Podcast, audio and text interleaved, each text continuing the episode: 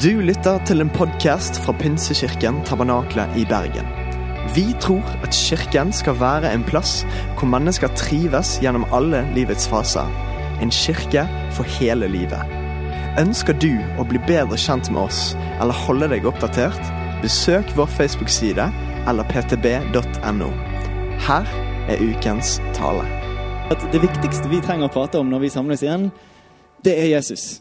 Det er han som er vårt utgangspunkt, det er han vi har til felles, det er han som er holdepunktet vårt. Uansett hva som har skjedd, uansett hva som kommer til å skje, så er det han som kommer til å stå fast. Vi tenkte vi trenger å snakke om Jesus. Jeg syns det var en god idé. Eh, og så er det jo ikke sånn at vi når vi er ferdig med dette, kommer til å slutte å prate om Jesus. Det kommer vi nok til å fortsette ganske mye med, Men vi ønsket å bruke disse første ukene av høsten til å løfte hans navn høyt og la det være et navn. Gi han den plassen han fortjener allerede i starten av semesteret, sånn at vi kan leve med det videre gjennom semesteret. Fordi vi tror at han er vår frelser, altså at han er vår redning. Og vi tror han er vår herre. At han har en autoritet i våre liv. At, han, at når han sier noe, så er det verdt å lytte til det. Vi tror han er vår frelser og vår herre, og det er det vi har lyst til å prate om, for han er vårt utgangspunkt. Og så sier han 'følg meg'.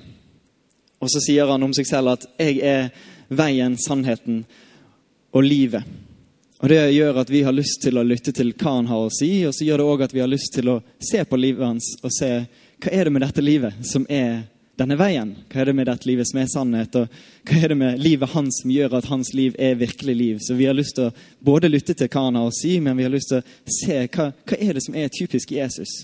Hva er det som definerer eller kjennetegner hans liv? Hva er det vi kan se til og lære av og utfordres av? Og I forbindelse med det så kunne vi pratet om ganske så mye forskjellig, og vi kunne pratet langt og lenge om det. Men vi har valgt ut noen momenter for denne gang som vi har lyst til å fokusere på. Og Forrige uke så snakket uh, hovedpastoren vår Benjamin om, om hvile og om det å trekke seg unna. Og det å kunne liksom dra hjemmefra, til og med med å la mobilen ligge tilbake. Tenk det. Er ikke det sykt? Visste du at før var det ikke vanlig å bli avbrutt hele tiden? 3000 ganger for dagen? Rart å tenke på, sant? men det var ikke det. Men jeg tror det går an. Benjamin snakket litt om det, og det vi skal se på i dag, henger veldig tett sammen med det. Men jeg tror ikke vi har vondt av litt sånn repetisjon og sånne ting. Men det vi skal snakke om er at det virker som at Jesus aldri haster. Han er liksom, han er aldri et hastverk. Han er aldri for travel. Han er aldri for opptatt. Vi skal se litt på hvorfor, eller hvordan det funker. For det virker litt som at vi veldig ofte er det. Som regel så, så, pleier jeg å se det som en fordel at den som står her og snakker, eh, har en eller annen form for integritet på temaet som vedkommende snakker om. At det er noen å se opp til, noen som har tilegnet seg noe visdom som over tid og livserfaring og noe, har noe godt å melde. Eh, og de som kjenner meg og har blitt kjent med meg etter 2015, de, de vet at det har jo jeg ikke på dette temaet her. Dette er kanskje den tingen Den hellige ånd har liksom ventet med å gjøre noe med i livet mitt. I hvert fall etter 2015. For i 2015 så hørte jeg undervisning om verdibasert tidsstyring. Og jeg slukte det. Men jeg begynner å innse nå at jeg misforsto litt. for det Poenget med verdibasert tidsstyring er at du planlegger livet ditt på en måte der du bruker tiden på det som gjenspeiler verdiene dine. Make sense? Men så begynte jo jeg å tenke det handler om å jobbe hele tiden, være driteffektiv. Og det syns jeg jeg har prestert veldig bra, egentlig. Men, men, jeg begynner å innse nå at det, det, kanskje ikke var helt det som var poenget. Men likevel så tenkte jeg det handler om arbeid, det handler om å være effektiv. Og, og jeg har prøvd å egentlig strekke meg etter å oppnå det. Jeg har faktisk eh, nesten ikke hatt en natt der jeg har slitt med å sove siden 2015 fordi at uh, jeg har vært så travel at det har liksom vært så godt å sove når jeg kommer til sengen. Jeg er nødt til å uh, slutte å vise kalenderen min til folk. Det er ikke sånn at det vanligvis har gått og bare sånn, se her, kult. Men når jeg planlegger noe med noen, så har jeg uh, prøvd å liksom skjule det, fordi de blir så stresset når de ser på kalenderen min. Og det er til og med til en grad jeg har lyst til å liksom optimalisere tiden min, til og med på ferie.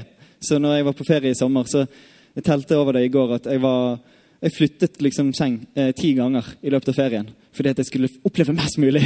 I løpet av den korte ferien jeg hadde, så skulle jeg se mest mulig, erfare mest mulig. og Denne verdibaserte tidsstyringen stopper ikke. på en måte. Og de siste ukene, eh, mens denne talen har levd i meg, så har jeg kjent meg som tidenes hykler. fordi at jeg, jeg jobber her i kirken, og en kirke har tendenser til å starte opp igjen med mye greier på høsten. Og det, det, tar litt tid. Det er litt krevende. Og så gjorde jeg den store tabben og gleden av å begynne å jobbe på Bibelskolens substans i tillegg. Og Det er jo dritstress å jobbe på skole på høsten, og du tar imot et nytt kull, og det er jo veldig fint og helt vakkert, og alle de tingene der, men det er jo sykt mye greier som skal skje. Så plutselig så er det liksom tre-fire uker der livet er så sykt intenst og det har liksom gått i, i oppstart her og oppstart der, og helger er opptatt, og kvelder er opptatt, og det er leirer, og så er det mikromat hele tiden, og så er det meldinger som kommer her og der, og så, så er jeg liksom hele tiden på. Eh, og så har det vært min glede og min fryd fordi at jeg eh, skal styre tiden min godt, har jeg tenkt. Men det er egentlig langt forbi hva jeg syns er behagelig. Og helt ærlig så er jeg skikkelig sliten akkurat nå. Og så går det fint fordi jeg vet at det var for en periode, og så vet jeg at jeg, oppstarten er ferdig, og, eh, og jeg går inn mot roligere tider. Men det er liksom tendensen jeg har, er at tempoet er ganske høyt. Jeg snakker til meg ganske fort. Vet ikke om du har lagt merke til det? Jobba hardt med å prøve å senke tempoet. I formiddag så var det noen som tolket meg mens jeg snakket, og hun advarte meg på forhånd. Jeg tolker i dag. Det prøvde jeg å ta hensyn til. Så kanskje jeg er den verste til å prate om dette. Eh, eller kanskje jeg er den beste fordi at jeg kjenner det på hele kroppen. At det jeg ser i Jesus på dette momentet her, det lengter jeg etter. Det ønsker jeg å se i mitt eget liv. Jeg ser tempoet jeg har, og jeg ser at dette er ikke noe jeg har lyst til å leve med lenge. Jeg ønsker å gjøre en endring. Så jeg håper at jeg kan formidle det at når jeg snakker om det som er typisk Jesus, og ikke haste seg gjennom livet, så er det fordi at jeg hjertelig ønsker det i mitt liv. Og jeg ønsker det for dine vegne også. Så jeg føler det på hele kroppen. Det jeg ser i Jesus, vi, vi, kommer straks tilbake til hva vi ser i Jesus, det vil jeg ha i mitt liv. Det tempoet som han modellerer, det livet som han viser, den tålmodigheten det virker som han er gjennomsyret av, det ønsker jeg at skal prege meg, og jeg lengter etter det. Og inntrykket mitt er at jeg ikke er helt alene om det. Nå skal jeg være litt forsiktig, for jeg har ikke lyst til å liksom eh, bare si det på vegne av dere alle at ja, vi løper hele tiden. Men, men inntrykket mitt er at jeg ikke er alene. For jeg ser det i livene til noen av folkene rundt meg. At vi, vi er mange som, som, løper, og helt ærlig opplever jeg det på en måte i hele samfunnet rundt meg. At normen i samfunnet er at vi haster oss gjennom ting. Vi, vi løper. Uansett hvem jeg prater med, om det er folk her i kirken, eller elevene på substans, eller om det er familie eller venner, så en av de temaene som oftest kommer opp, er det der spørsmålet hvordan skal jeg få alt til å gå opp? Hvordan skal jeg nå overalt? Det virker som det ikke er nok tid. Og Så ble jeg anbefalt en bok, og det pleier jeg å unngå å si noe om her. fordi jeg har ikke lyst til å si til folk ja, du burde lese den boken. fordi det blir sånn ja, jeg skal gjøre en ting til. ja, ok, kult. Men, men, jeg ble anbefalt en bok, og jeg hørte den. Og, uh, for jeg leser ikke, jeg bare hører bøker. Mye gøyere. Eh, og så treffer den helt brutalt på en nerve i meg. Han heter 'A Ruthless Elimination of Hurry' av en som heter John Mark Comer. Og får meg til å innse at dette ikke bare er sånn ja, ja, jeg vet at dette er en greie og jeg må jobbe med det en gang i fremtiden, men jeg innser at dette er et problem jeg trenger å jobbe med nå. Fordi at dette tempoet er ikke sunt. Og jeg tror det er en høyst tilgjengelig fare i vår tid at at kroppene våre liksom løper av gårde uten at vi gir tid til at ånden og sjelen kan rekke han igjen. liksom. Vi løper forbi oss selv. og så, så, leser jeg den boken, og så hører jeg forkynnelsen fra Life Church i USA, en av de største kirkene i USA, og innser at de har samme problemet. De snakker om akkurat det samme akkurat nå. Og De snakker om det ikke bare for å klage på problemet, men de snakker om det for å prøve å peke i retning en bedre vei. Samme som vi skal gjøre i kveld. Peke i retning Jesus, som modellerer en annen vei. Og I går så hørte jeg at Passion Church, en annen stor og innflytelsesrik kirke i USA, de har til og med lansert sabbat. Eh, til og med på søndagen. De skal ikke ha gudstjenester de neste par ukene. Fordi at de sier at vi som forsamling vi, vi trenger å ta en pause. Vi trenger å stoppe opp litt.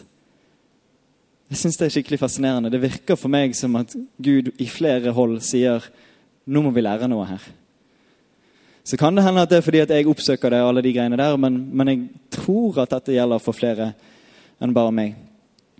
Og så ser jeg at Truls Åkerlund, som er førsteamanuensis på Høgskolen for ledelse og teologi, og han er pastor i Saltskien, han, han har nettopp publisert en ny bok som handler om nettopp dette.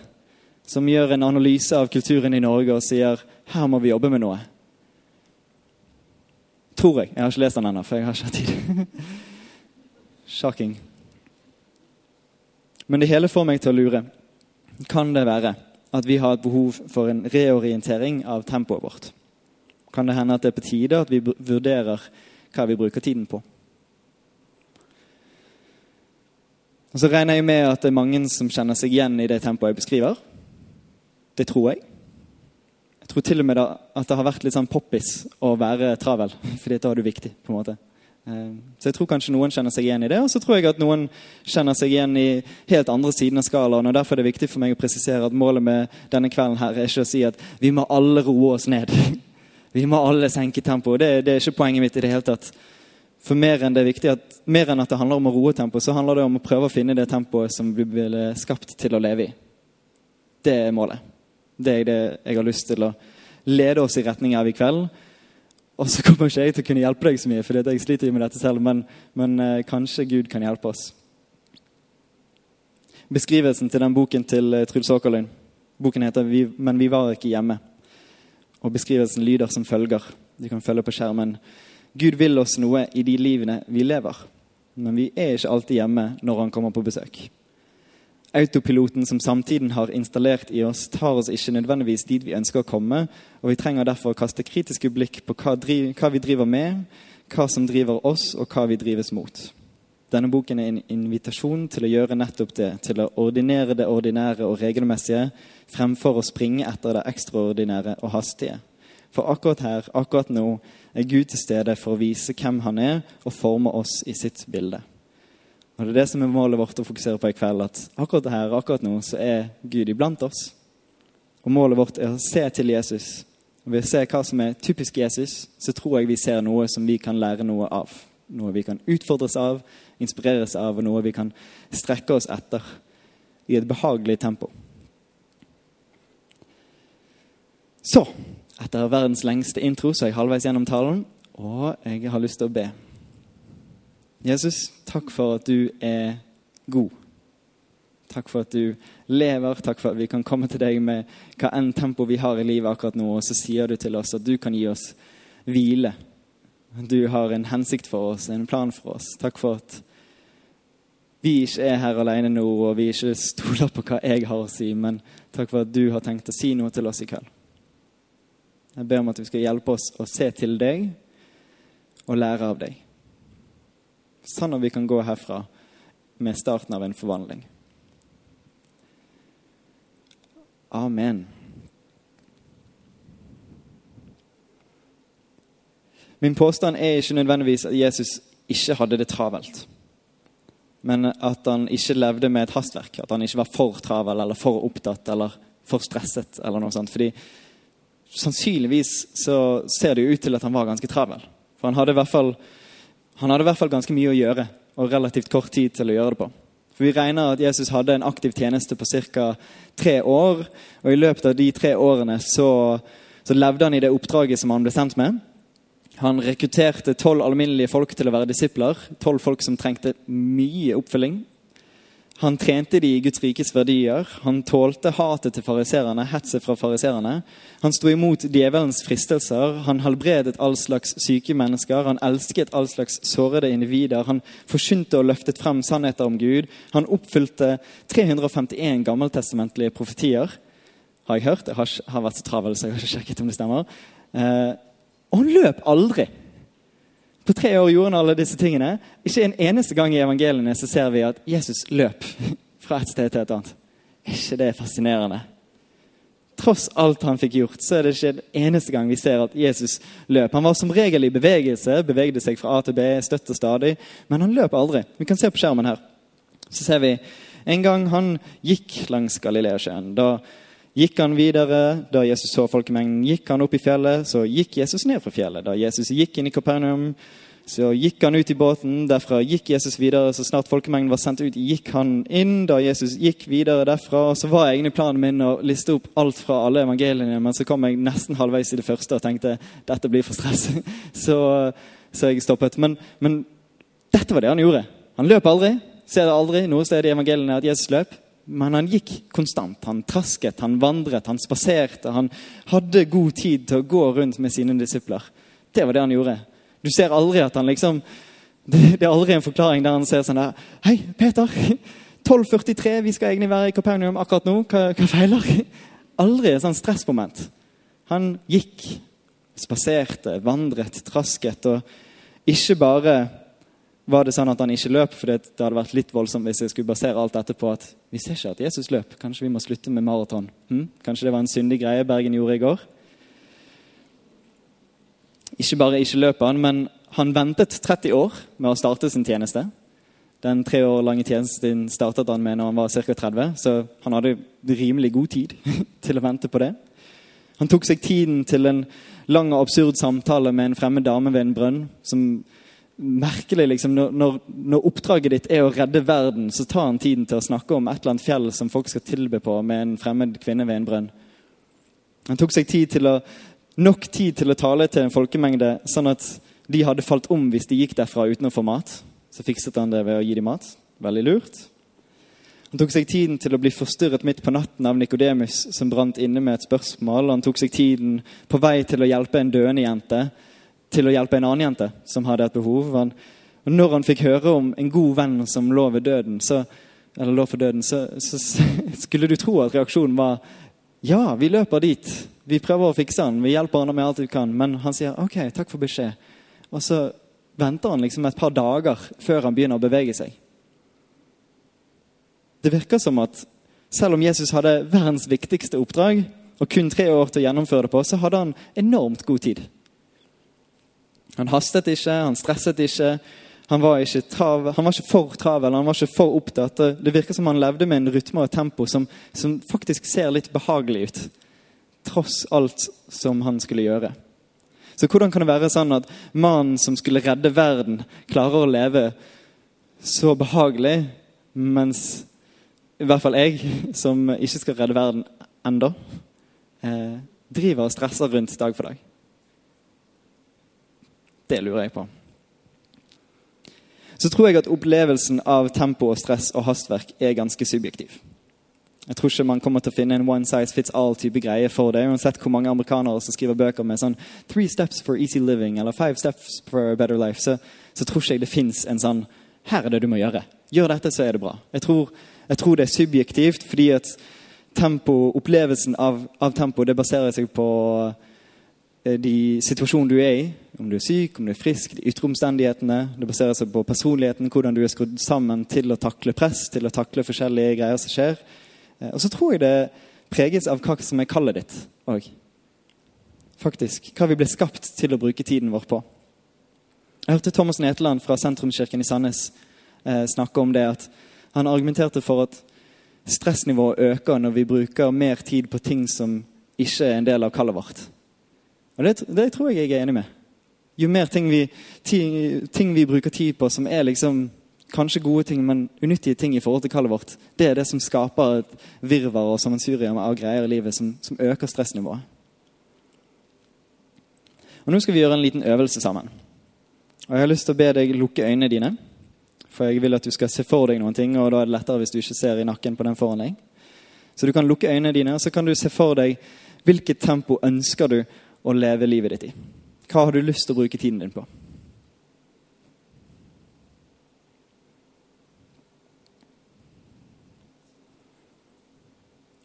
Og så, med øynene fortsatt lukket, så har jeg lyst til å be deg erkjenne for deg selv hvilket tempo du har i livet akkurat nå. Hva er det du bruker tiden din på?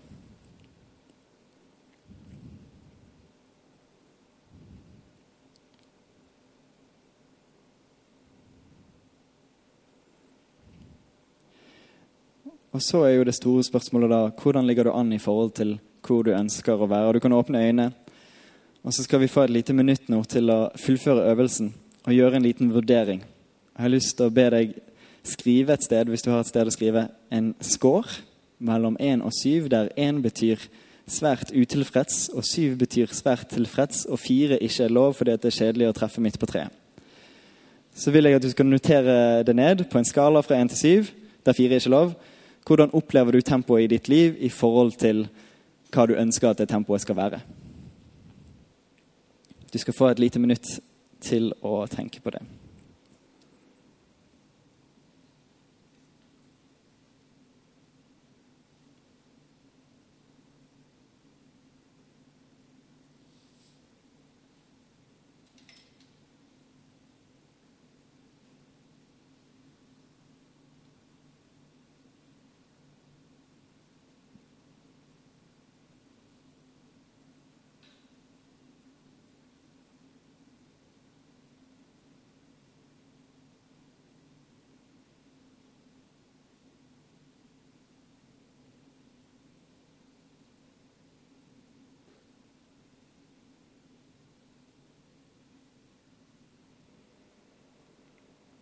Hvis du har lyst til å tenke mer på dette hjemme, så er her noen hjelpespørsmål du kan ta med deg. Du kan stille deg selv spørsmål hvor ofte sier du nei til noe du egentlig skulle ønske du kunne si ja til. Men du sier nei fordi du har bare ikke tid. Eller hvor ofte opplever du i ettertid at du lot være å si ja til noe som du gjerne skulle vært med på, men du bare klarte ikke å liksom forplikte deg til den begivenheten, den bruken av tiden. Og igjen, Målet med dette er verken å roe ned tempoet eller skulle øke tempoet, men en, et jag etter å prøve å finne hva, hvilket tempo er det vi blir skapt til å leve i. Og det flotte med det er at jeg tror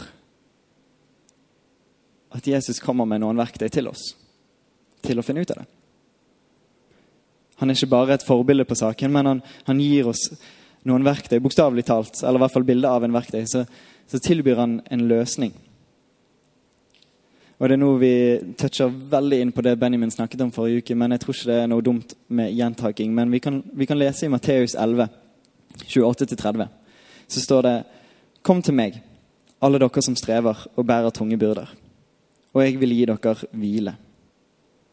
Sånn, der melder Jesus løftet, og så i fortsettelsen så kommer han med løsningen. Hvordan han skal oppfylle dette løftet.